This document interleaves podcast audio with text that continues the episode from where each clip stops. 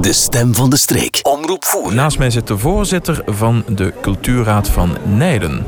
Ja, stel u zelf even voor. Ja, mijn naam is Niels Wilfried. Ik uh, ben al een tiental jaar voorzitter van de Cultuurraad van Nijlen. En het is onze genoegen dat we weer bij onze zustergemeenschap op bezoek mogen komen om uh, het Schuttersfeest mee te mogen beleven. Zo is dat uh, ja, een hele rit toch wel. Hè? Iets van anderhalf uur, denk ik. Van Nijlen naar hier met de bus. Ja, maar het was een hele fijne reis. En hoe meer we deze streken naderen, hoe mooier de landschappen worden. Dus we genieten sowieso al van de bus. Jammer dat het een beetje mistig was, maar dat heeft de pret niet bederfd. Ja. Nu zijn er mensen die denken, ja, waarom is er nu een band tussen Nijlen en Voeren? Dat heeft een reden, hè? Daar is een historie. Ja, het, het, is zo dat uh, in uh, de 14e eeuw de slag bij Woeringen heeft uh, plaatsgevonden. En er waren heel wat soldaten die de hertog van Brabant volgden. En die vertrok vanuit Vlaanderen richting de Duitse grensstreek en passeerde hier ook Voeren. En er waren zowel Nijlenaars als Voerenaars die mee ten strijde trokken eigenlijk. En later heeft de hertog van Brabant dan gezien dat de Voerenaars en de Nijlenaars wel heel dappere strijders waren. En daarom kregen wij beide het recht om uh, het wapenschild te dragen van de hertog. En toevalligerwijs, maar dat is dan heel laat pas uh, ontdekking gekomen, hebben wij elkaars spiegelbeeld als wapenschild eigenlijk. En zo is de link een beetje gekomen tussen onze beide gemeentes. Dat is een heel mooi verhaal en dat geeft ook een verklaring waarom dat wapenschild zo op elkaar gelijkt. Dan op cultureel vlak.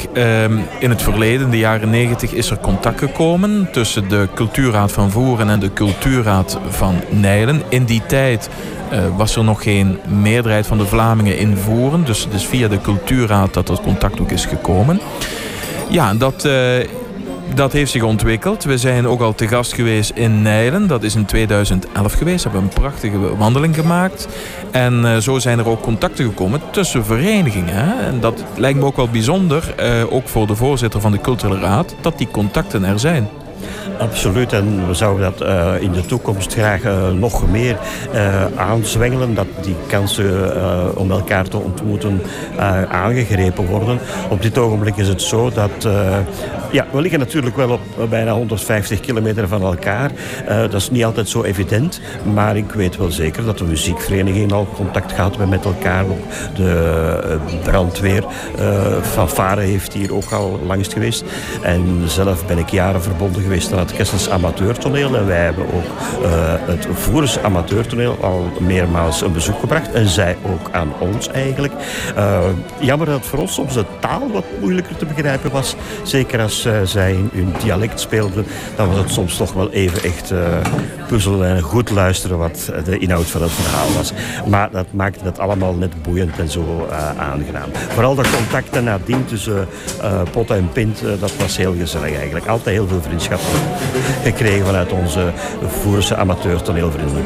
Ja, nu zijn er verschillen uiteraard, dat, dat is vanzelfsprekend. Maar er zijn ook veel overeenkomsten, even net al aangehaald, dus ook op cultureel vlak. Wat ook wel bijzonder is, in Nijlen, daar is een reuzenstoet periodiek en jullie hebben ook een reus uitvoeren.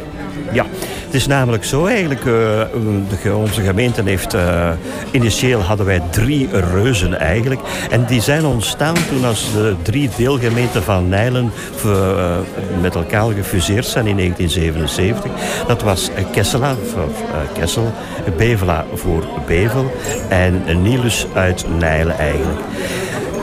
Heel wat jaren later is er ook Hoeberken bijgekomen. En Hoeberken is er dus bijgekomen eigenlijk toen als de culturele banden tussen onze beide gemeenten werden extra aangesmeed eigenlijk.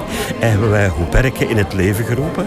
En nu in, op 1 oktober zullen onze reuzen helemaal in het nieuw gestoken worden. En komen zij opnieuw naar buiten na een lange winterslaap.